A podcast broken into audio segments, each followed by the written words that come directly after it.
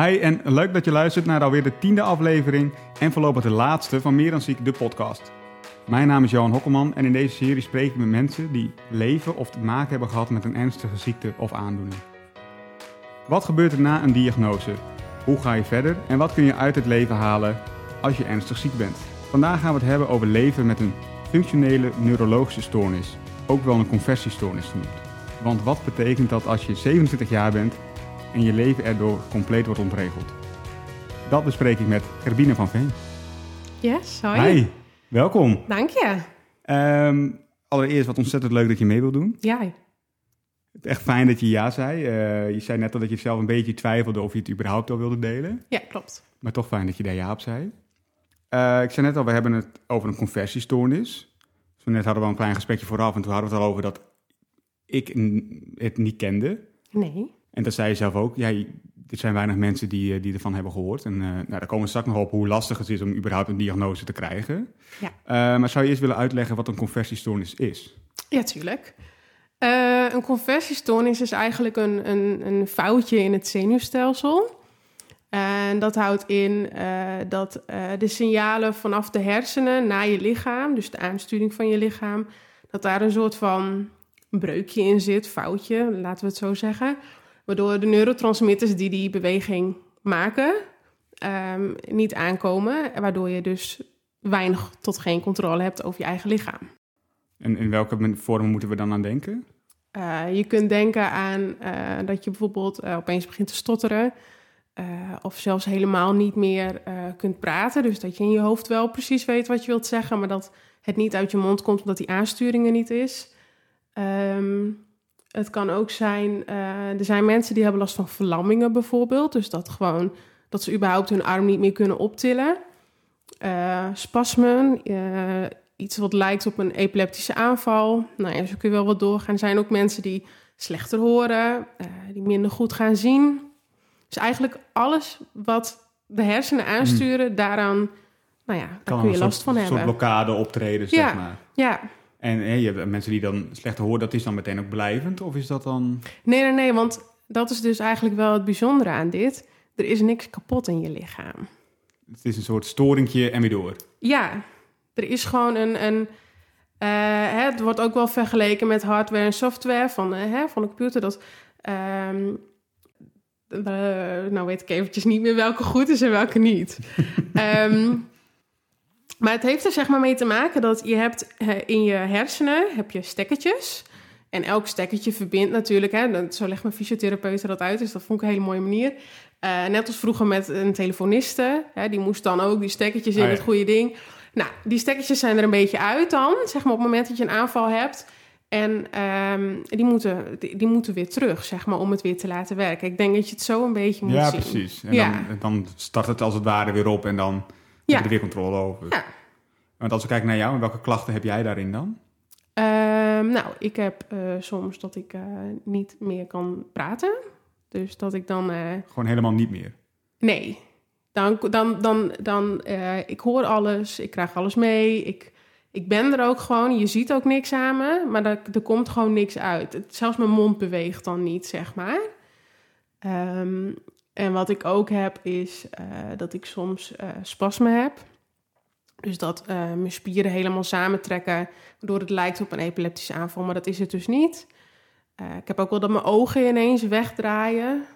Dus dan, ja, het klinkt een Echt- beetje echt met- eng. ja. Ja, nou ja, echt, ja, dan, dan inderdaad, dan zie je een beetje alleen dat witte en dan. Maar ik ben er gewoon totaal bij en ik, het, hè, zeg maar, er is niet verder, Nee. wat ik zeg, er is eigenlijk niks mis. Maar je lichaam geeft een bepaald signaal af van er klopt iets niet. Ehm, dus, dus dat zijn met name wel de dingen die ik heb, denk ik. Ja, En wat zijn er momenten dat dat eh, het kan, kan ver- verergen, zeg maar? Als je een drukke dag hebt gehad, dat, dat, dat je weet, Ja. moet ik erop letten. ja absoluut. Het is eh, met name merk ik eh, bij vermoeidheid dat het, dat, het, dat het heftiger is. Of dat het sneller, sneller terugkomt, zeg maar. Ehm, ja, ik denk dat dat, dat, dat dat het voornaamste is. Dus als ik veel gedaan heb. Eh, en het is bij, bij mij, en ik weet dus helemaal niet hoe dat bij andere mensen is, maar bij mij is het zo dat op het moment dat ik het druk heb, voel ik niks. Dus dan kan ik gewoon doorgaan, doorgaan, doorgaan. Maar op het moment dat ik op de bank ga zitten en rust neem, dan komt het. Ja, precies. Dus dan heeft op de een of andere manier mijn hersenen of mijn lichaam het gevoel van... oké, nu hebben we de ruimte om lekker te doen wat we zelf willen. En dan gaan en dan, we. eh, ja, precies. dan komt het op neer. En hoe lang eh, duurt zo'n aanval? Oh, dat is heel lastig te zeggen. Eh, in het begin, toen ik eigenlijk nog niet wist wat het, wat het was... kon dat uren duren. Echt waar? Ja. En dat, dat was heel vermoeiend, omdat als je... Mijn hele lichaam ging dan in... Hè, het begon bij mij, de, de klachten werden steeds... Veranderden steeds. Mijn eerste klacht was dus spasme. Dus dat ik, nou ja, gewoon wat heen en weer schudde en zo. En dat heeft soms wel drie uur geduurd. Eh, misschien nog wel langer. Eh, en dat komt natuurlijk ook omdat op het moment dat je dat krijgt en je weet niet wat het is, voel je dat de controle je ontglipt, zeg maar. Ehm, en krijg je een beetje stress. Want je denkt, oh jee, wat is hier aan de hand? Ja. En er is verder niemand die je kan helpen. Eh, dus ja, die stress die bouwt zich op en op en op. Nou, dat werkt zeg maar niet heel goed om het rustig te laten precies. Maken. Die paniek die verergert het dan. Ja, precies. Dus ehm, pas op het moment dat ik denk ik dat het zo gaat, als ik dat ik zo ontzettend moe ben, dat ik er ook niet meer tegen kan vechten, zeg maar, dat het dan een beetje stopt. Je, Dus moet, je moet echt uitgeput zijn. Nou- dat je hersenen denken van, oké, nou, nou is het wel genoeg Ja, geweest. ja. En dat was dus vroeger zo, nu niet meer. Ik heb een behandeling gehad waarin ik bepaalde technieken heb aangeleerd, ehm, waardoor ik dat kan versnellen. Dus waardoor ik sneller uit een aanval kan komen. Ja, dat je er weer uit kan geraken. En wat voor, wat voor oefeningen zijn dat dan? ongeveer? Eh, nou, ik heb in, eh, in, in Woerden heb ik een behandeling eh, gevolgd en dat noemen ze hypnose. En dat is niet de hypnose die wij kennen van Nee? tv. Het niet de, de, de Nee. die er binnenkomt. Nee, nee, nee, nee. Het is, ehm, het, is- het, het, het houdt eigenlijk in pure hele zware ontspanningsoefeningen. Dus dat je eigenlijk leert om je eigen lichaam zo intens te ontspannen eh, dat je eh, een soort van, eh, ehm, hoe moet ik dat zeggen? Tinteling in je, in je lichaam kan laten voelen. Gewoon op commando, zeg maar. Dus dat kan ik nu ook. En, en dat is dus de pure ontspanning. Net als dat je been slaapt bijvoorbeeld. Hè, dan Oh ja. is het natuurlijk ook in totale ontspanning. En dat helpt tegen, tegen de conversie. En hoe of wat, kan ik niet uitleggen. Werkelijk geen idee. Maar blijkbaar is dat denk ik iets in de hersenen of zo... waardoor er dan een knopje omgaat dat je het weer terugkrijgt. Want het werkt echt. En hoe lang duur- duurde dat dan voordat je die oefening onder controle had? Eh, nou, ik moest eh, eh, elke twee weken kreeg ik zeg maar een, een nieuwe sessie. Dus een nieuwe hypnose-techniek aangeleerd, laat ik het zo zeggen. En die moest ik thuis elke dag vijf tot tien keer beluisteren. En dat was best wel veel, want zo'n oefening duurt ongeveer 10 minuten. Dus nou ja, dat was zo 50 minuten was je dan verder, zeg maar. Ja. Ehm, want eigenlijk moest het wel tien keer op, op een dag moest je dat doen. En om het zo eigen mogelijk te maken. En ehm, meestal is het zo dat je twintig weken de tijd nodig hebt om, om jezelf dat aan te leren. Dus dat is ongeveer het tijdsbestek wat je nodig hebt om die behandeling te ondergaan. En hoe vaak doe je dat nu dan nog per dag? Die, of, Nou ja, ik doe dat nu dus niet meer eh, op die manier, omdat ik het nu dus nou ja, mezelf eigen heb gemaakt. Dus ik kan dat. Ja, al maar denk, precies, maar je kan het nu, maar hoe vaak pas je het dan nog steeds toe? eh, nou, zodra ik het voel, dat ik denk, oh jee, ehm, ik voel het aankomen. Dan heb ik ook geleerd dat ik dat aanvoel op de een of andere manier. Dus dan pas ik het toe. Eh, soms ga ik die signalen ook, negeer ik die compleet op de een of andere manier. En dan moet het dus als ik het aanval heb. Oh ja. Ehm, maar dat is dus best wel heel lastig, want eh, het, het lukt niet altijd, zeg maar. Nee, het is geen zekerheid. Nee, nee. En dat, dat, is wel, dat, dat is wel het lastige hieraan. Want hoe, hoe herken je dan dat, dat, dat je zo'n aanval krijgt? Denk dat dat misschien Ehm, heel moeilijk is om uit te leggen. Nou ja, nou, wat ik dus ook heb, dat heb ik nog niet eens verteld. eh, slikproblemen hoort er ook bij. Oeh, Dus dat je niet meer echt kunt slikken. Wat er bij mij gebeurde, eh, is dat zodra ik dan een slokje drinken nam of eten, maar niet uit wat, dat daarna een soort van kramp, denk ik, in mijn, in mijn, in mijn ja, hoe moet ik het uitleggen, slokdarm ja. of, of keelachtig iets. Dat krampt dan samen, waardoor ik ook geen adem meer kan halen. Ja, het klinkt heel eng hoor, maar het, het valt allemaal wel mee. Oh ja, het valt mee. Nee, maar dat Mama kan niet slikken, kan niet ademen. Nee. Het, is, het is een pretje. Ja, top. Nee, maar... ehm, en dan duurt het even en dan op een gegeven moment dan laat hij los, zeg maar. En dan, dan kan ik weer ademhalen. En eh, daar begint het nu de laatste tijd. Of eigenlijk, ja, eigenlijk begint het daarmee, zeg maar. Dus dat is het eerste signaal. Dus als ik voel in mijn keel... Hmm, ik, het, het voelt niet helemaal goed, zeg maar... Dan weet ik van, oké, nu moet ik een oefening doen... of nu moet ik rustiger aan, of zoiets. En heb je dan altijd dezelfde klachten? Als je Nee. weet, nu begint met keel en nu gaan daar naar de ogen en dan Nee, helaas niet. het is niet, geen, geen riedeltje wat je af kan spelen. Nee, het is wel een. ehm,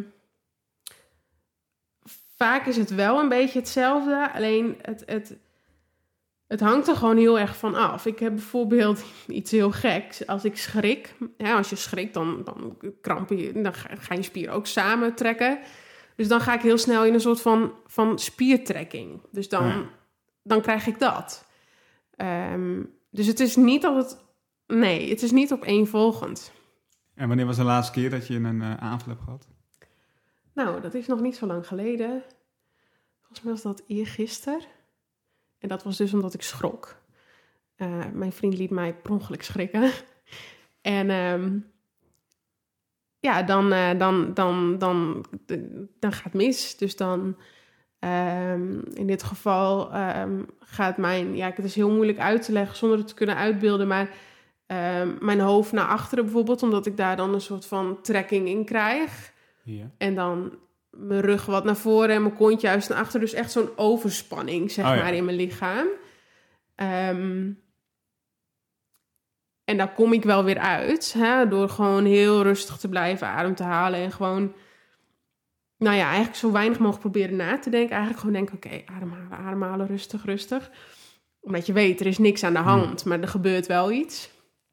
Ehm, en dan kom ik er ook wel, dus nu wel weer heel snel uit. Dus het duurt nu niet, niet langer dan een uur sowieso meer. Niet langer dan een uur. Nee. Nou, een uur in die houding. Ja, dat is vermoeiend. Dat lijkt me, ik, ik ben al kapot als ik naar luister bij wijze Ja. van. Laat staan dat je een uur... Maar dan, dan, maar dan, waar was het? Stond je in de gang of stond je in de woonkamer? Ik, ik was boven, ik stond in de, in de, in de slaapkamer. Ja. Ja. En dan moet je op bed zien te komen. Of heb je dan wel nog de helderheid van geest dat je... Ja, nou ja, ik kan dus eh, nu wel weer redelijk snel ehm, dan een andere houding aannemen. Het is alleen dat ehm, ik, ik, ik kan het zeg maar verplaatsen. Ja, het klinkt echt dat je denkt, nou, wat is dit? Ik kan het verplaatsen naar een andere plek in mijn lichaam dan. Dus bijvoorbeeld in mijn benen en dan krijg ik x-benen. Dan loop ik dus met dan gaat je houding naar je benen toe, als het ware. dan gaat daar de spanning in, dat ik dit kan ontspannen. En dan gaat de spanning naar mijn benen. En dan kan ik gewoon met x-benen, kan ik dan wel redelijk lopen, zeg Ja. maar. Dat kan iedereen wel. En dan kan ik wel ergens naartoe stappen om even te gaan zitten of even rust te nemen. Mijn oefening te doen als het nodig Ja. is. Maar dat lijkt me... Ja, kijk, voor jou is dan geen gewenning inmiddels, hè, laat ik Mhm. zo zeggen. Als ik het zo hoor, dan is het in één keer... Of in één keer dan... eh er hoeft iets te gebeuren en je zit in zo'n aanval. Ja. Dan moet je dus ook nog echt meteen die stappen gaan houden. Oké, ik moet eerst de klachten verplaatsen, als het ware. ja. dan mijn oefening, of tenminste op een veilige plek zien te komen als Ja. je daar niet bent. Lukt dat altijd? Ehm, nee, het is soms wel heel lastig. Eh, zeker als je in eh, gezelschap bent van andere mensen. Ehm, ik ben wel heel open, dus iedereen in mijn omgeving weet wat ik heb, weet wat er kan gebeuren. En omdat ik het aan kan voelen, kan ik het dus ook nog net van tevoren bijvoorbeeld zeggen. Ehm, eh, en ik moet me soms gewoon dan afzonderen. En dat zeg ik dan ook. Dus eh, ik heb wel eens gehad dat vrienden hier waren eh, te eten. En toen op een gegeven moment toen, eh, dacht ik, oh jee, oh jee, oh jee, ik, dit gaat niet goed. Dus toen zei ik, oké, niet schrikken. Want als ik dan dus zo'n slikprobleem heb en de ademhaling stopt... en zodra die weer komt, dan is het echt zo'n hele harde teug zeg maar, van lucht happen. Ja, precies.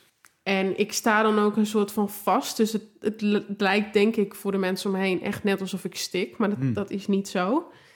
Ehm, en eh, ja, dan moet ik soms even zeggen... oké, sorry mensen, even een momentje voor mezelf. En dan doe ik gewoon mijn hoofd naar beneden en mijn ogen dicht. En ehm, dan doe ik mijn oefening. Dus dan eh, laat ik mijn lichaam zwaar worden. En dan eh, laat ik mijn benen een beetje tintelen. Nou, en dan op een gegeven moment denk ik... oké, ik heb het gevoel weer terug. En dan kan ik weer verder. En dan haal je weer een rondje. Ja, precies. ja, Ja, het lijkt me bizar, ja, om het op die manier mee te maken, inderdaad. ja. Voor jou en voor het gezelschap ja waar je dan in ik bent. denk Dat is- vooral inderdaad, voor mij is het nu wel, nou ja, ja, normaal eigenlijk. Ja, ik heb dat nu al een tijdje, dus ik denk vooral dat het voor de mensen om me heen, ehm, nou ja, vervelend kan zijn om te zien of mee te maken. Ja. Omdat je ook machteloos bent. ja, precies. Ja. Dat kan inderdaad helemaal niks. Nee. Eh, want je zei, je hebt het al een tijdje. Zullen we eens eh, naar, naar het begin, Ja, hè, de, de diagnose. ja. Want hoe kwam je erachter dat je dit had? Wat was de eerste keer? Kun je dat eh, eh, vertellen? Nou, de eerste keer dat ik mijn klachten kreeg, dat was na een stapavondje. Ehm, we hadden een dorpsfeest en het was heel gezellig. En ik kwam thuis, ik lag op bed, ik was in slaap gevallen en ik werd weer wakker. En toen ik wakker werd, toen voelde ik me heel onrustig in mijn lichaam. Ehm, en toen op een gegeven moment begon mijn lichaam ook gewoon zijn eigen ding te doen. Dus ik begon wat om me heen te slaan. Eh, ik drukte mezelf zeg maar met mijn benen. Hè, zo, je ligt dan op bed en jezelf zo omheen, omhoog drukken. En eh, nou, ik was, wa- was echt immens sterk om me heen aan het slaan. En toen dacht ik, nou, die klopt niet. Dus toen, eh, mijn zus die sliep toevallig eh, ook thuis, zeg maar. Dus die heb ik geroepen, die kwam erbij. En die zei in eerste instantie, je moet gewoon even rustig doen. Want die dachten ook van, nou ja, wat is dit voor hysterisch gedrag? En, nou ja, maar ik voelde gewoon dat het niet goed was. Dus nou ja, toen naar het ziekenhuis. En eh, ja, in eerste instantie waren de doktoren meer zo van: oké, misschien moet je een beetje oppassen met de drank in combinatie met, eh, met medicatie wat je slikt. Ehm, want, eh, nou ja, goed, blijkbaar kan dat dan niet goed samen of zo. En krijg je dan dit soort klachten. Toen daarna naar de huisarts geweest en die zei: Nou, dat is eigenlijk onmogelijk dat die combinatie deze aanvallen uitlokt. Want daar zou je juist wat rustiger van moeten worden, dus juist van in slaap van moeten vallen. Ehm, dus die dacht weer aan, aan iets in mijn drankje gedaan of wat dan ook. En nou ja, toen hebben we het eerst even laten rusten van, nou ja, het zal dan wel gewoon zoiets zijn. En vet pech, ja, weet ja, ik gewoon veel. een reactie op, op de drank. Of, ja, precies. Ehm, en toen kreeg ik het een keertje eh, later, en toen was ik toevallig weer bij mijn vader. En eh, toen kreeg ik dus dat ik eh, sowieso al wat door mijn benen zakte soms als ik liep.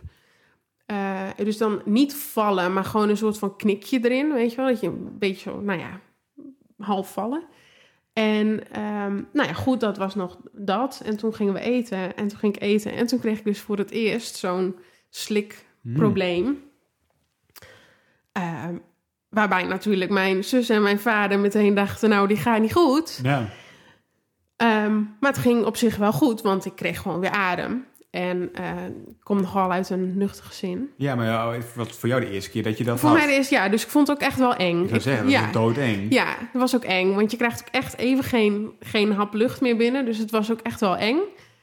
Ehm, maar wat, ja, ik kom dus uit een nuchtere familie. Dus wij zijn ook niet zo van, oh, oh, oh, wat is hier allemaal aan de hand? Eerst maar even aanzien. Het was in de avond en eh, nou ja, anders weer, hè, eerst de hulp, hè, wat gedoe.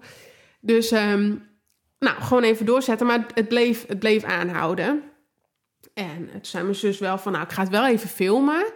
Want, eh, nou ja, Dat is leuk voor verjaardagen. precies. Hebben we er nog wat aan? nou nee, eigenlijk voor de arts, zeg maar, Hmm. als het dan weg zou zijn. Ehm, en gewoon, nou ja, goed, ik ben gewoon op bed gegaan en eh, de- gewoon gaan slapen. Want eh, naast als ik niks dronk of at of wat dan ook, was het gewoon prima. Dus oplossing was niet eten of drinken. Hè? Slim. Permanente oplossing, Ja. maar... En toen eh, gingen we, nou, toen kwam ik van bed. En toen dacht ik, oh, nou, even thee. En toen kreeg ik het weer. Nou ja, toen hadden we wel zoiets van, nou, misschien moeten we gewoon even huisarts bellen. Dus huisarts bellen, daar naartoe. En mijn zus die zei al, ik ga met je mee. Want ik ben nogal wel snel van, ah, oké, is prima, we gaan weer naar huis, we zien Ja. het wel even. Ehm, dus in eerste instantie zei mijn huis dat ze ook van, nou, misschien moet je het nog even aankijken. Want die had ook niet gehoord wat ik had of zo, weet je. Je vertelt het gewoon, net als Ja. dat ik het nu vertel. Nou, en toen dacht mijn zus van, nou, dit, nee, ik laat dat filmpje zien. En toen liet ze dat filmpje zien. En toen zei de huisarts, nou, ik ga je toch maar even aanmelden voor de eerste hulp. Dat is wel een beetje gek. Maar goed, dan kom je bij de eerste hulp, doe je neurologische testjes. Eh, op het moment dat ik een slokje water nam, want die neuroloog wilde het graag zien, lagen mijn zus en de neuroloog eigenlijk met z'n twee een soort van in een deuk omdat er dan zo... Ja, het klinkt echt een beetje sneu. Maar ik snap het wel. Want er komt echt een soort van ezelgeluid dan uit mijn mond... als ik dan eindelijk weer adem kan happen. En je weet natuurlijk dat het elke keer wel goed gaat. Dus ik snap het wel. Maar, eh, nou ja, goed. Maar ja, die wist ook niet wat het was. Dus die zei, ja, eh, ik denk dat het iets psychosomatisch is. We kunnen verder niks meer voor je doen. Dus hij zei ook van, kun je wel door een scan halen... maar ik denk niet dat er wat uitkomt. Nou ja, ja toen dacht ik, oké, nou ja, prima. Dan gaan we weer naar huis. Ja, was gezellig. Was gezellig, doei. Nou ja, en toen een, echt wel, wel een heel stuk later, toen ehm, ik was nog onder behandeling bij een psycholoog. Die ging, eh, die had een nieuwe baan gevonden bij een andere organisatie. Ik had de keuze om met hem mee te gaan of een andere psycholoog te krijgen. Ik zei van nou, dan ga ik liever met je mee. En toen heeft zij mijn casus ook hè, ehm, in een groep daar gegooid. En toen zeiden zij van, hey, dit klinkt heel als een conversiestoornis slash functioneel neurologische stoornis. Nou, en toen heeft ze het zelf eerst nog proberen te behandelen, mijn psycholoog, zonder dat ze daar eigenlijk, dus ze heeft echt boeken gelezen en zo, echt super dat ze zich daar zo voor ingezet heeft. Ehm, maar op een gegeven moment, toen eh, had ik heel erg zwaar een aanval. En toen heb ik iemand gevraagd om me wel naar de psycholoog te brengen, want ik dacht, dan kan ze het zelf ook zien. En toen zag ze het en toen zei ze van, nou, weet je, ik Was kan... toen, was je nog in je aanval, ben je daar naartoe ge- Ja, dus gewoon, dus, nou, nou ja, hè, iemand die, die heeft me toen gebracht.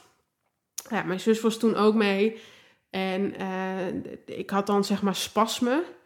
Eh, en ehm, ik kon geen richting geven van welke kant ik op moest lopen, zeg maar. Dus stel, ik had in mijn hoofd, ik ga linksaf, kon het zomaar zijn dat mijn benen dachten, nee, we gaan rechtsaf. Dat is een hele rare gewaarwording, maar dat gebeurde Ja. best heel vaak toen. Ehm, en toen zag mijn psycholoog dus ook die, die, die nou ja, spasme dus eigenlijk. En ehm, nou ja, best wel, wel heftige aanval. En toen zei ze dus van, nou ja, ik denk niet dat ik dit kan behandelen. Dus toen ben ik doorgestuurd naar Woerden. Daar is een specialistisch centrum voor mensen met een conversiestoornis. En eh, nou ja, daar heb ik dus de therapie gehad van hypnose. Maar er is dus wel gewoon, er is een, een, een, een speciaal centrum. Ja. En toch heeft het zo lang geduurd voordat iemand, voordat je die diagnose kreeg. Je werd een beetje van kastje naar de muur. Ja, En eigenlijk per toeval, als de psycholoog niet een Ja. nieuwe baan had gehad, was je er misschien pas veel later achter. Nou, doen we het allemaal op. ja. En aan de andere kant is er wel gewoon zoveel erkenning, even zo te noemen, uh-huh. dat er een specialistisch centrum Ja. voor is. Van we weten het, ja, maar we gaan eerst even alle andere routes belangs. ja. En negeren het. En dan komen we terug. Ja, en ik denk dat het te maken heeft met dat er toch nog wel een bepaald stigma ook op ligt, op, het, op, op, op de conversiestoornis. Ehm, omdat eh, het wordt niet door alle doktoren nog erkend. En eh, waarom dat is, weet ik niet. Maar ik hoor ook wel van mensen die ook conversiestoornis hebben, hebben vaak genoeg meegemaakt dat de huisartsen dus zeiden van, nou weet je, we kunnen niks meer voor je doen. Misschien ligt het dan toch aan jou. Hè? Misschien, nou ja, ja, het klinkt heel hard, maar misschien verzin je het gewoon of misschien doe je het zelf. Hè? Dus ja, je kunt je niet voorstellen. En ik moet eerlijk zeggen, ik heb dat ook gedacht. Toen ik naar huis gestuurd werd, eh, toen eh, de neuroloog zei, misschien is het gewoon iets psychosomatisch. Dat ik dacht, zet ik het dan zelf aan of zo? En ik weet ook nog dat ik dat tegen mijn zus gezegd heb. En die keek mij echt aan en die zei van, nou, als je zo'n spasme of wat dan ook hebt, dan heb je zo'n kracht in je handen, dat, dat kun je niet eens nadoen. Nee. Dat kun je, als je het wilt, kun je dat niet eens. En toen dacht ik, nee, dat is ook zo. Maar ik denk dat veel mensen die deze klachten hebben, dat tegenkomen in hun rit, zeg maar, na een diagnose of eh, überhaupt om, om te snappen wat ze hebben. Want eh, je kunt het nergens in zien. Al zijn ze wel bezig met een onderzoek wat ik gelezen heb. Uh, dat als je een aanval hebt, dat er wel iets in de hersenen te zien is. Qua afwijking of zo. Oh ja. Wat het precies is, geen idee. Ik denk dat ze het zelf ook nog niet weten. Ehm, maar om, kijk, als het niet te zien is, als je het niet uit je bloed kan halen of in je hersenen kan zien, ja, waarom zou het er dan zijn, zeg maar? Hè? Dus het is, het is wel een, ehm, een bijzonder iets, laat ik het zo zeggen. Ja, gek. Ja, het is inderdaad echt een onduidelijk iets. Ja. Dat, dat is het zeker. Ehm, maar het lijkt me gewoon heel vermoeiend om dat hele traject, terwijl jij 100% zeker bent, dit verzin ik niet. Ja, klopt. Dus eh, dat is punt één. Ja. De omgeving ziet het, het, eh, dat je het niet verzint. Ja, Maar toch moet je dat, het helemaal nu niet meer, maar eh, wel elke keer een soort van bewijzen. Voelde dat ook zo? Of was dat... Nou, voor mij voelde dat niet echt zo. Eh, en dat had dus met name te maken, denk ik, met dat ik een ondanks dat, dat ik wel een nuchter, uit een nuchter gezin kom, ehm, nam, nam iedereen het in mijn omgeving wel echt serieus. Zeg maar. In ieder geval de mensen die dicht bij me stonden. Ehm, en eh, ik, ik denk ook dat als ik bijvoorbeeld niet een zus had gehad die op een gegeven moment bij een huis dat zegt van ja, hallo, eh, er is echt wel wat aan de hand, had het veel langer kunnen duren. Dus ik denk dat die omgeving, in mijn omgeving, wel veel heeft bijgedragen aan het feit dat, dat ze me hebben laten geloven ook van oké, weet je, er is gewoon iets aan de hand. Je speelt dit niet, dat kan gewoon niet. Eh, dus we moeten weten wat het is. Ja. En dat komt ook omdat ik op een gegeven moment wel zo heftig in aanvallen zat, is dat het eigenlijk dat ik het was niet vertrouwd om alleen thuis te zijn, omdat ik eh, door mijn spasmen en door mijn het oncontroleerbare kon ik bijvoorbeeld als ik ging eten en ik stopte een vork in mijn mond, dan kon ik die gewoon best wel ver, zeg maar, Ja. omdat door die spasmen ver in mijn mond drukken, dat iemand anders dan soms eventjes mijn hand terug moest drukken, omdat en waarschijnlijk zou je hem nooit te ver doen, omdat dus alles in je hoofd klopt. Dus het wordt geregistreerd. Dus op het moment dat. Hè, dat is hetzelfde met die ademhaling, die komt terug. Want Op een gegeven moment is er zijn, je moet ja, ademen. dan, ja, dus- precies. Dus het is niet kapot. Dus waarschijnlijk gebeurt er ook niks. Maar dat is wel een beetje eng. Ja, dan moet je ook niet gaan uitlokken. Nee. Nee, precies. Dus, eh, en, en dat is ook wel het moment geweest waarop we die behandeling dus in Woerden eh, heel erg achteraan hebben gezeten. Want er is normaal gesproken natuurlijk ook een wachtlijst, waardoor het wel wat langer duurt. En het schijnt ook zo te zijn dat als je een conversiestoornis hebt, hoe langer het duurt voordat je behandeld wordt, hoe erger je klachten worden. Ja, precies. En nou heb ik ja, het geluk tussen aanhalingstekens dat, ehm, dat ik nog gewoon kan lopen. Eh, dat ik gewoon dat ik niet zeg maar iets, iets heb wat echt uitschakelt. Er zijn mensen die dus daadwerkelijk in een rolstoel terechtkomen. Die niet meer kunnen lopen omdat ze die aansturing missen. Terwijl dat er dus niks kapot is. Maar dat, die hebben dan eigenlijk een soort... Ja, altijd durende aanval, als het ware. Ja, ik denk dat is, dan... Bij mij is het, ik denk dat het verschil dan zeg maar is, is bij mij zou er dan bijvoorbeeld een foutje zitten in die, in die aansturing. En bij die mensen, ik denk dat ik het zo het makkelijkste kan uitleggen, zit er echt gewoon een scheur in. Dus dan Ja, is dat moeilijker te helen. Het, zo gok ik het hoor, want dat is ook puur mijn eigen visie daarop. Ja. Omdat ik eh, daarover ook nog niks heb gelezen qua informatie wat het dan precies is. Ehm, maar er zijn genoeg mensen die daar echt langdurig last van hebben. Ja. En van- voor jou is het nu hoe lang geleden? Eh, sinds de eerste aanval en nu? Eh, twee jaar? Nou, wel langer. Ik zit twee jaar in de ziektewet bijna. Drie jaar denk ik dan. Ja, dikke twee jaar, laten we het daarop houden. En wat doet dat eh, mentaal met je?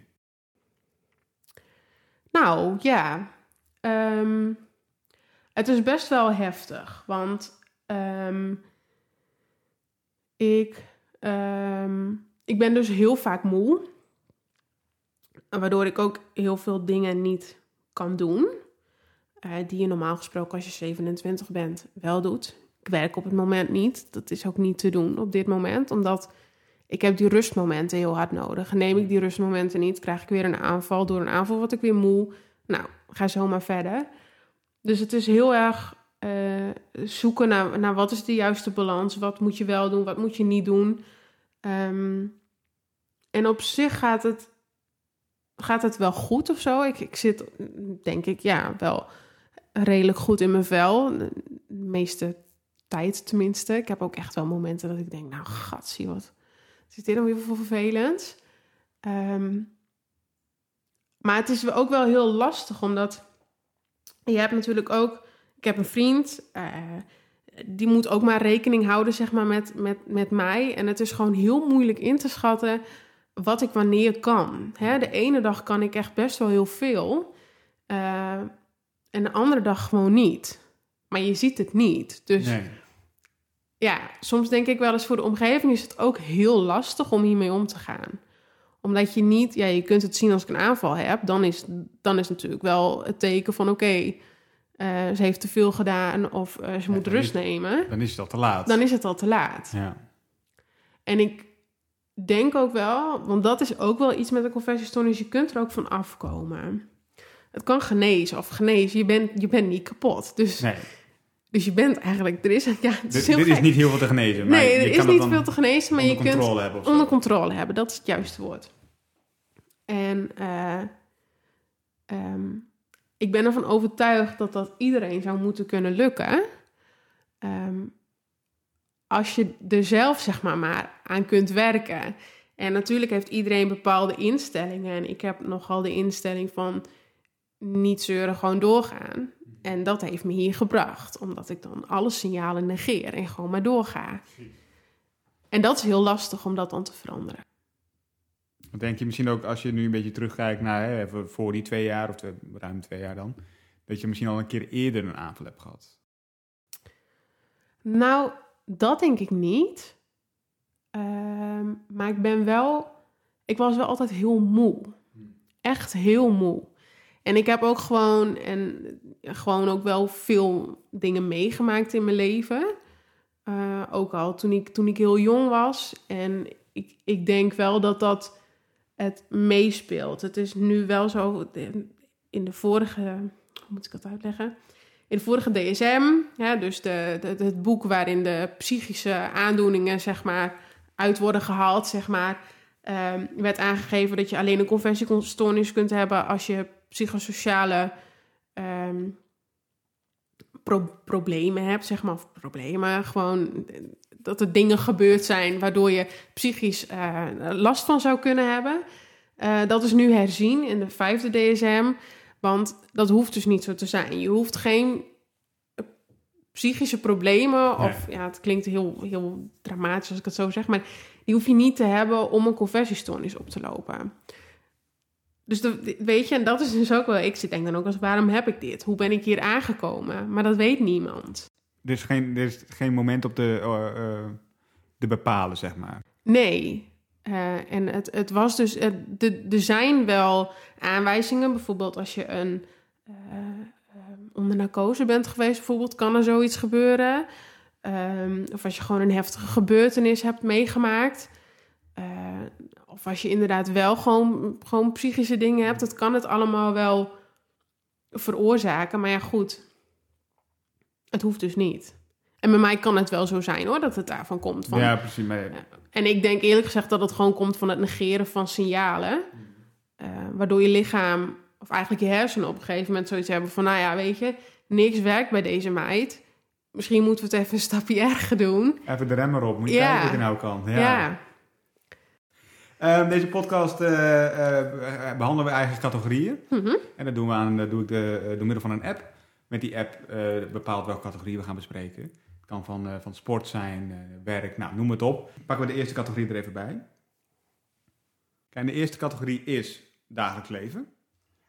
Ehm, waar ik ook meteen aan dacht is, zo'n aanval kan in één keer opkomen. Ja.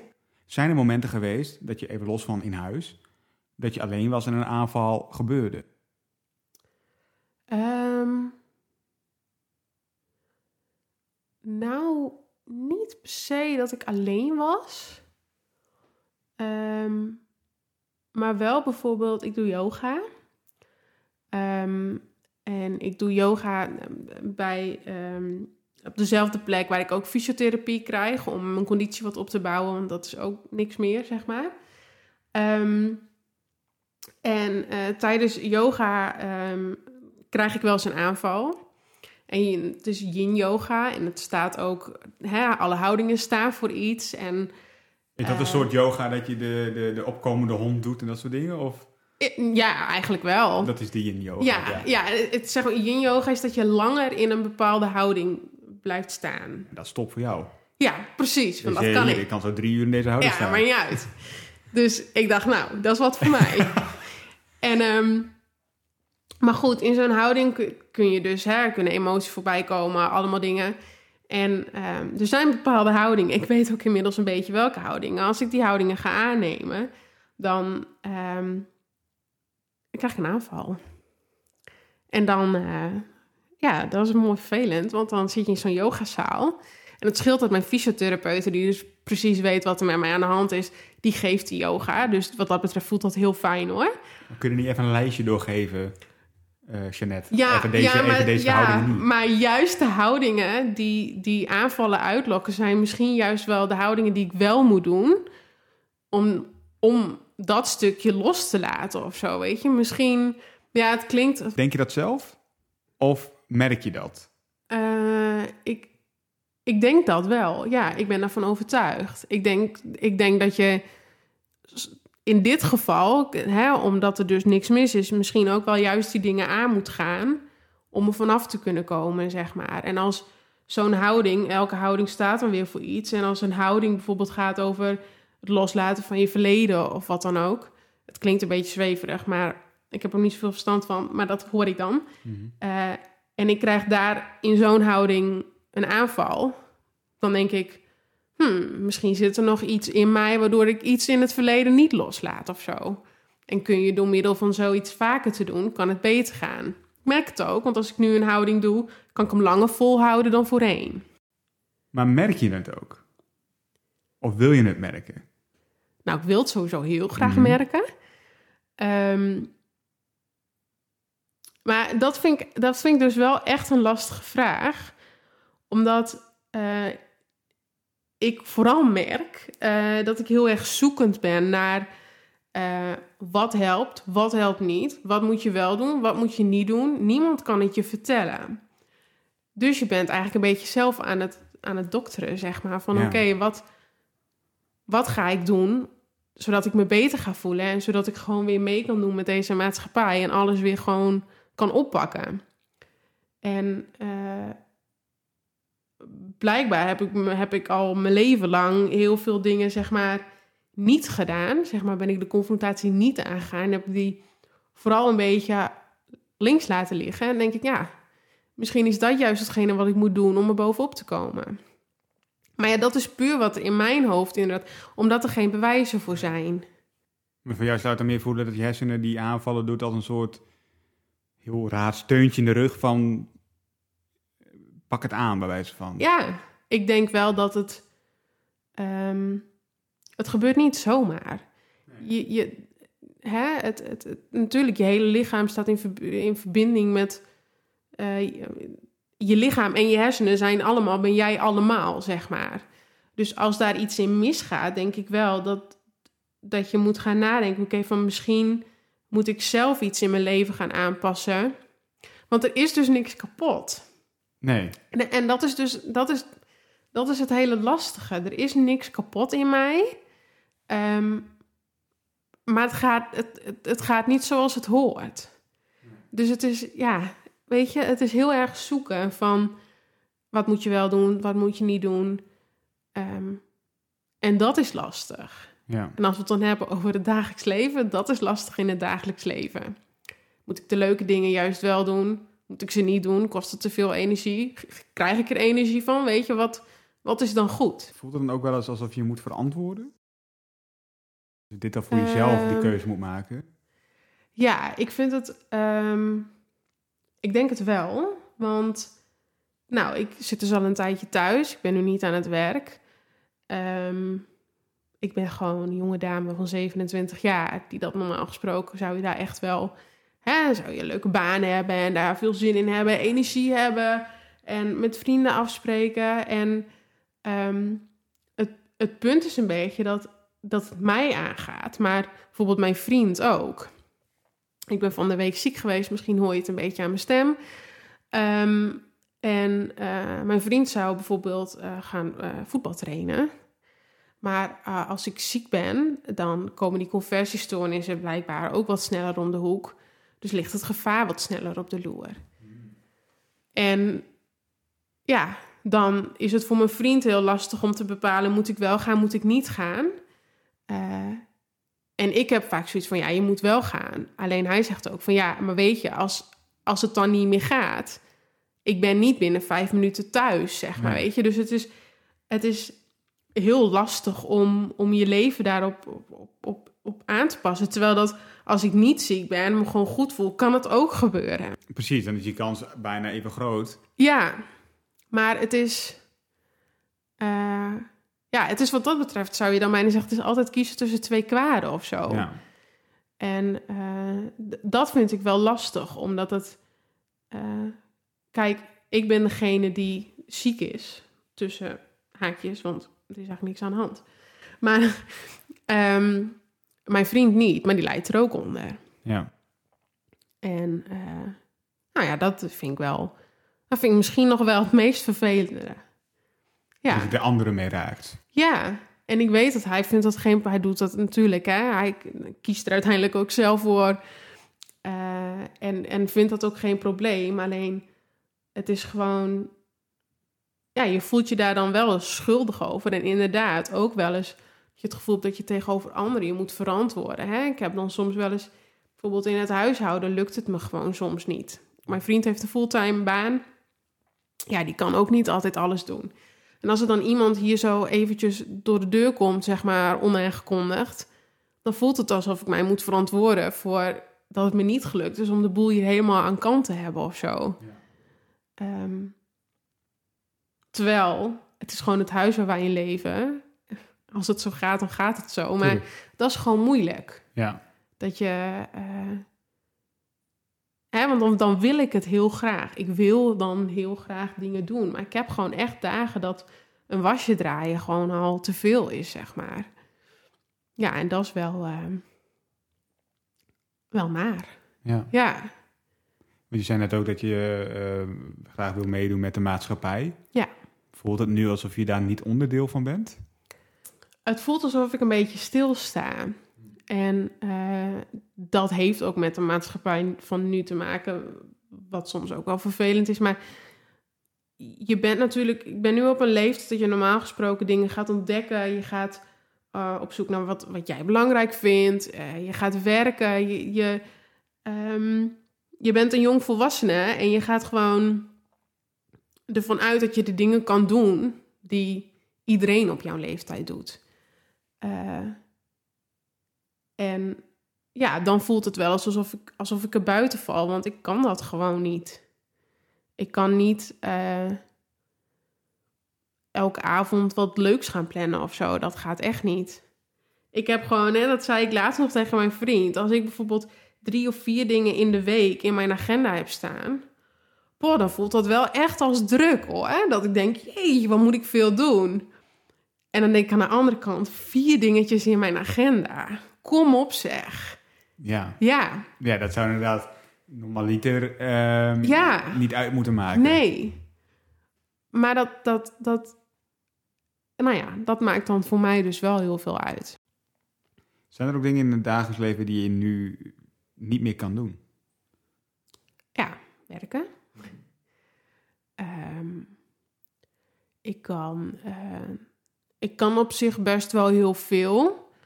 Uh, ik, kan, ik, ik kan zeg maar um, qua kunnen kan ik alles, zeg maar. Om, het zo, want, want uh, nogmaals, ik zeg het honderd keer, er is niks kapot. Um, maar uh, op lange termijn kan het niet. En um, ik kan bijvoorbeeld, ik, ik heb een hond. Als ik die hond uitlaat, laatst heb ik dat gedaan. En ik heb soms, dan denk ik echt even, heb ik zo'n momentje, ik denk, oh, ik voel me echt goed. En ik ga een eind met hem wandelen. Nou, heb ik dat laatst gedaan en dan kom ik thuis. En dan nou, dan ben ik gewoon, dan is het gewoon klaar, zeg maar. Dan is alles ook te veel. Dan kan ik het allemaal niet meer aan en dan, boel, zeg maar dat. Ehm, terwijl dat ik van tevoren dan denk, oh, dat ga ik doen. En ja, en dan lekker in beweging. En Hm. dan ben je goed bezig. Hè? En dan kom je thuis helemaal voldaan, goed Ja. gevoel. Nou, dat is dan dus niet zo. Totaal niet. Nee, dan denk ik echt, waarom heb ik dit gedaan, denk ik dan. Maar dat is, dus, dus dat is wel heel lastig. Want Ja. eh, het is goed om te wandelen, het is goed om in beweging te zijn, dat is het allemaal. Maar je moet niet over je grenzen.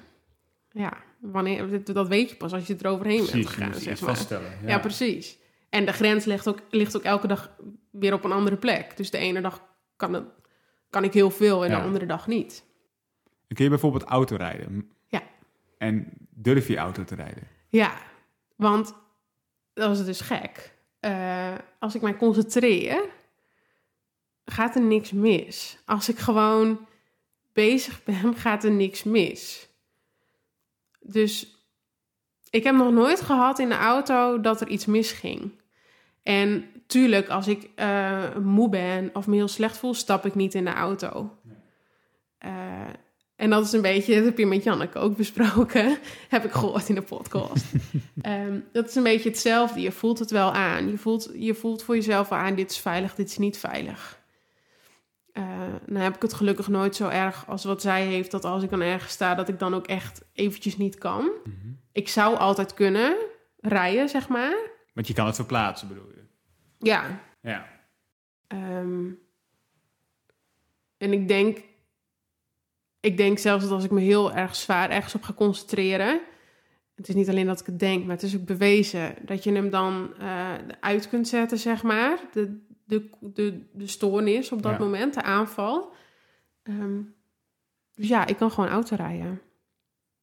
Maar je nou voor, eh, ik heb het net ook nog gehad op de snelweg en dan gebeurt er iets en dan schrik je. Ja, Bij jou kan dat dan zo'n aanval oproepen. Dat, ja, maar zou, dan, zou dat dan bijvoorbeeld gebeuren in de auto of juist als jij weer tot rust komt? als ik weer tot rust kom.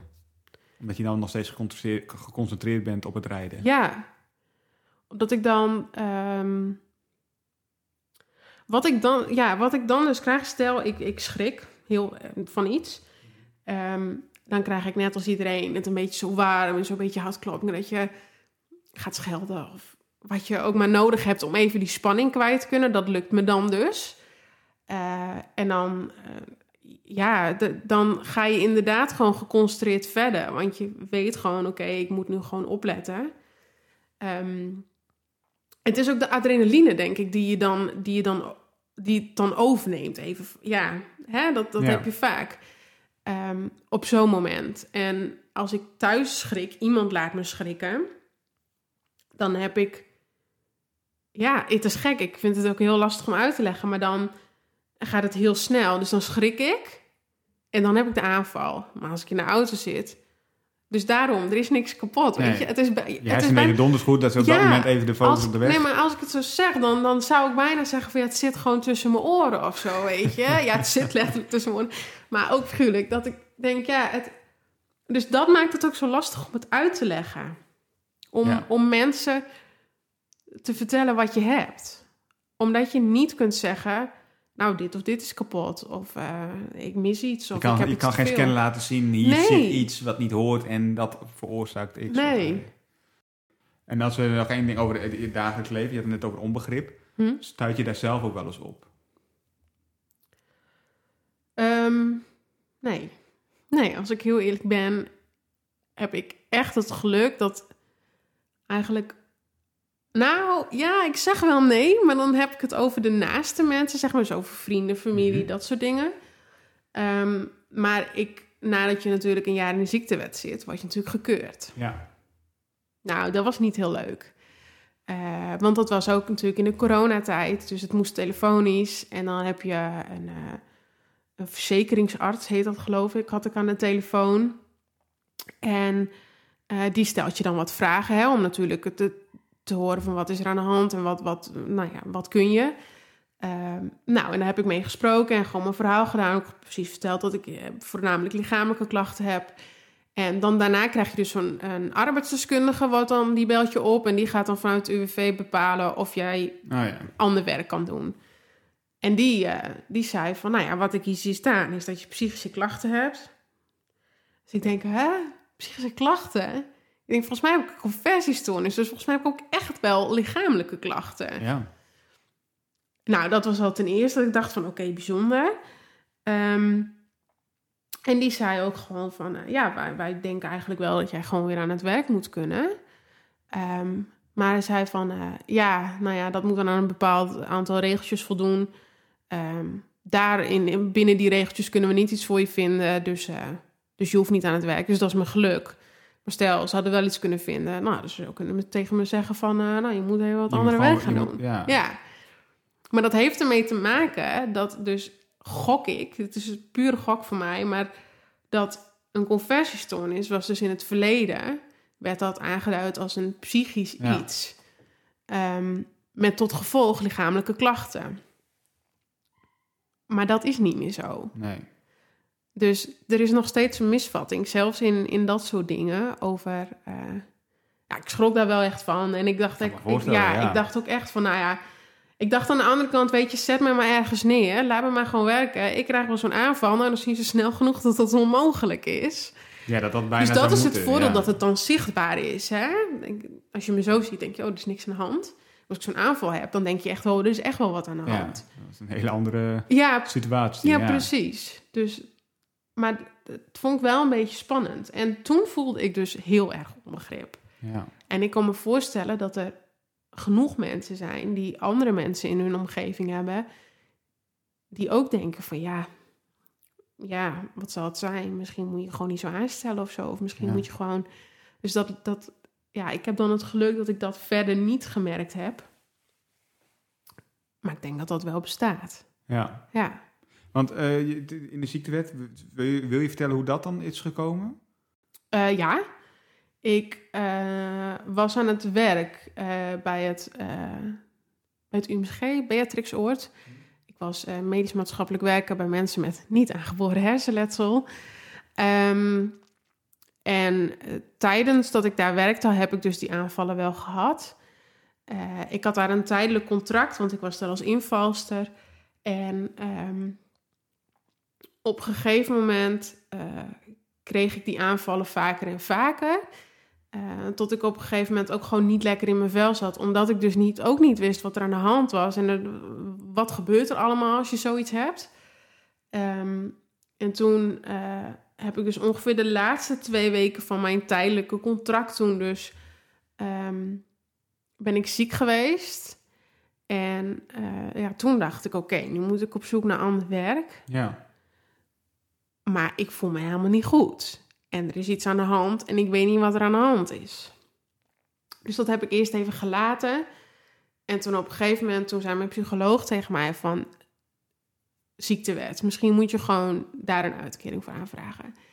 En eh, dat heb ik gedaan. En ehm, nou ja, zo ben ik in de ziektewet terechtgekomen. Wil ik het over de toekomst hebben? Ja, Ehm, want je zit nu twee jaar thuis. Nee, een jaar thuis. Zes ja nou, bijna, bijna twee jaar wel Bijna hoor. twee jaar ja. thuis. Hoe ziet de toekomst voor jou eruit? Op, eh, op werkgebied bijvoorbeeld. Ja, ehm, ik denk dat ik wel weer kan gaan werken.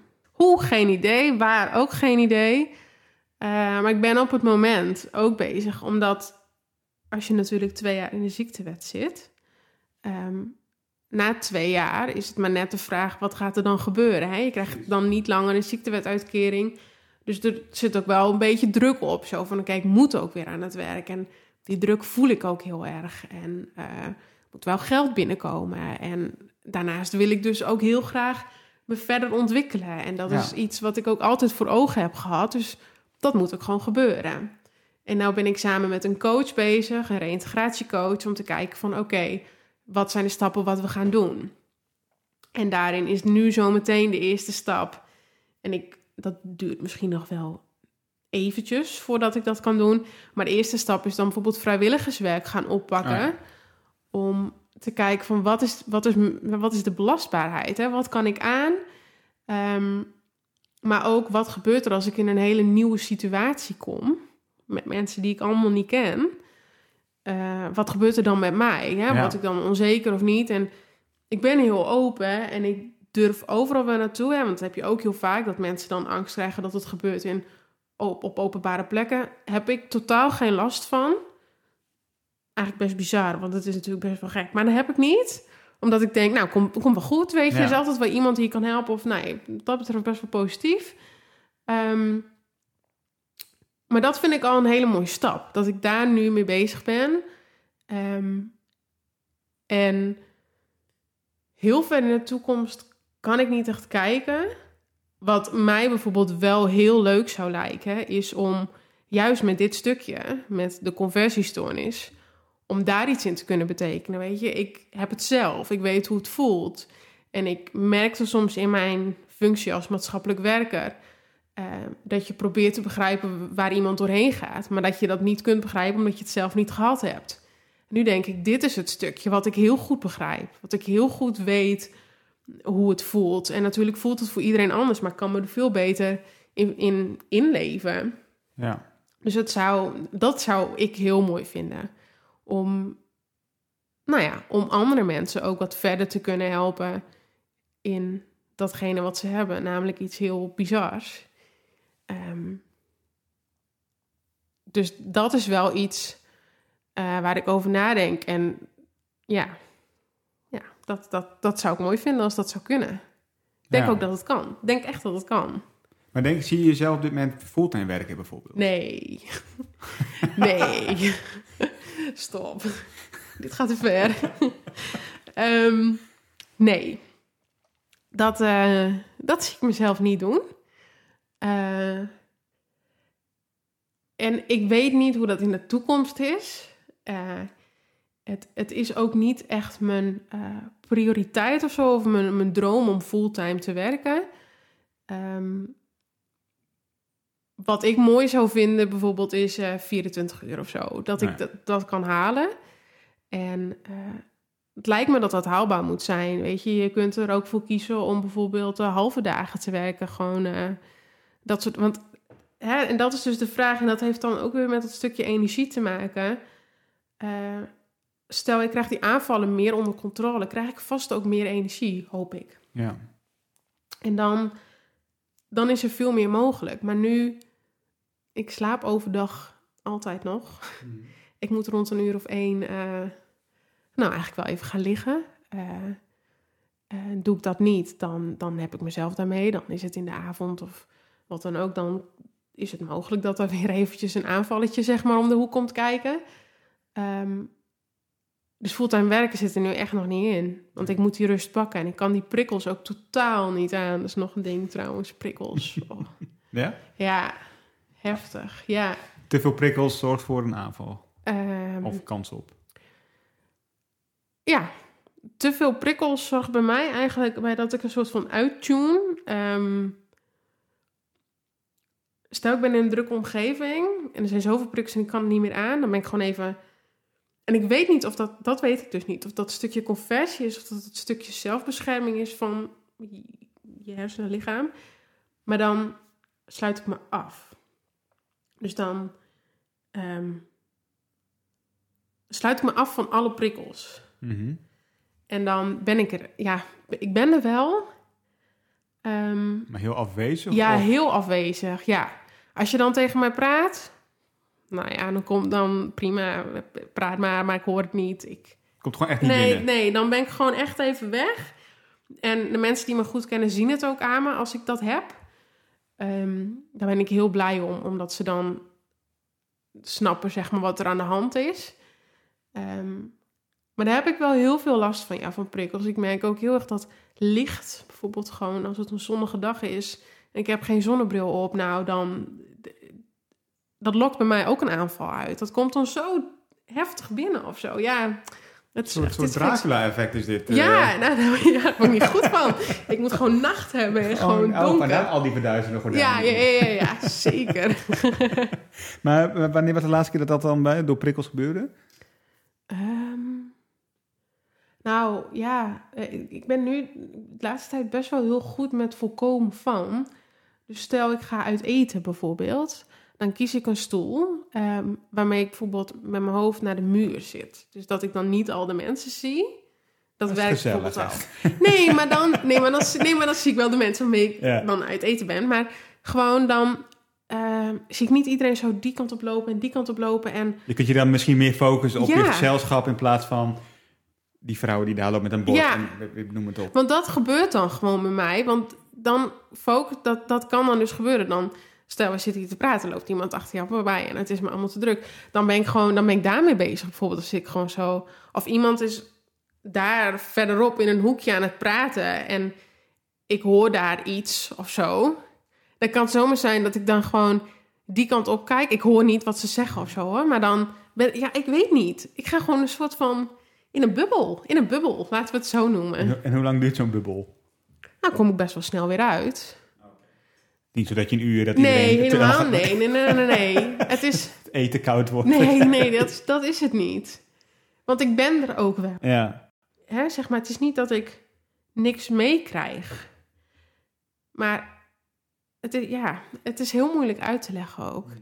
Ik denk ook dat als je dat nooit hebt, dat je het totaal niet kunt begrijpen. Maar ik denk dat het een soort zelfbescherming is. Als we het over de toekomst hebben, dan eh, gaat het ook een beetje over eh, eh, het onder controle hebben van je, van je aanvallen. Wat zou je kunnen doen om dat, even los van de hypno, hyp- hypnosetherapie, hypno, hypnosetherapie. Wat zou je nog meer kunnen doen om dat onder controle te kunnen krijgen? Ehm, nou, goede vraag. Ehm, nou ja, vind ik heel lastig. Want wat ik zeg, dan zou ik eigenlijk een beetje zelf moeten gaan dokteren om, eh, om daar iets tegen te doen. Ehm, ik denk dat het allereerst heel belangrijk is om mezelf, zeg maar, een beetje. ehm, ja, hoe moet ik dat zeggen?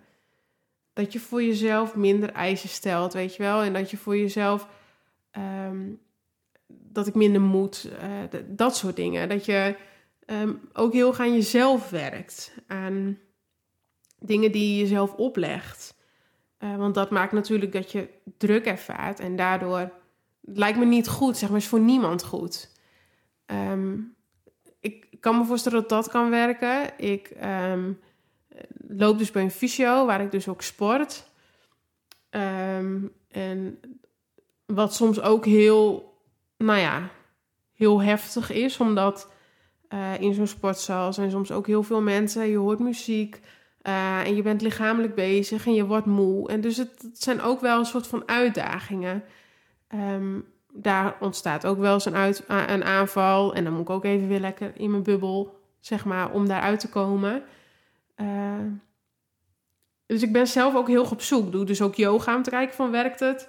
Ehm, ja, ik weet het niet zo goed. Nee. Maar hoe ver zou je willen gaan dan? Ehm, hoe ver zou ik willen gaan? Nou ja, het zou gewoon, ik zou gewoon heel graag weer. ehm, ja, de dingen, de, de, de normale dingen of zo weer willen kunnen doen. Eh, en dus dat hoeft dan niet echt helemaal, hè, wat je zei, fulltime werk of zo, hoeft voor mij helemaal niet. Maar gewoon wel dat je iets kunt, kunt bijdragen. Ik ben maatschappelijk werker geworden om andere mensen ook te helpen. Eh, dus iets bij te dragen om iemand ergens verder mee te helpen. En dat doet mij heel goed. En dat vind ik altijd, nou ja, daarvoor heb ik ook gekozen voor deze baan. Ehm, dus dat zou ik heel graag weer willen oppakken. Ehm, en gewoon, eh, ja, de gewone dingen doen. Gewoon makkelijk uit eten kunnen. Niet hoeven nadenken over op welke stoel ik moet gaan zitten. En eh, ik denk dat dat, dat dat het allerbelangrijkste is.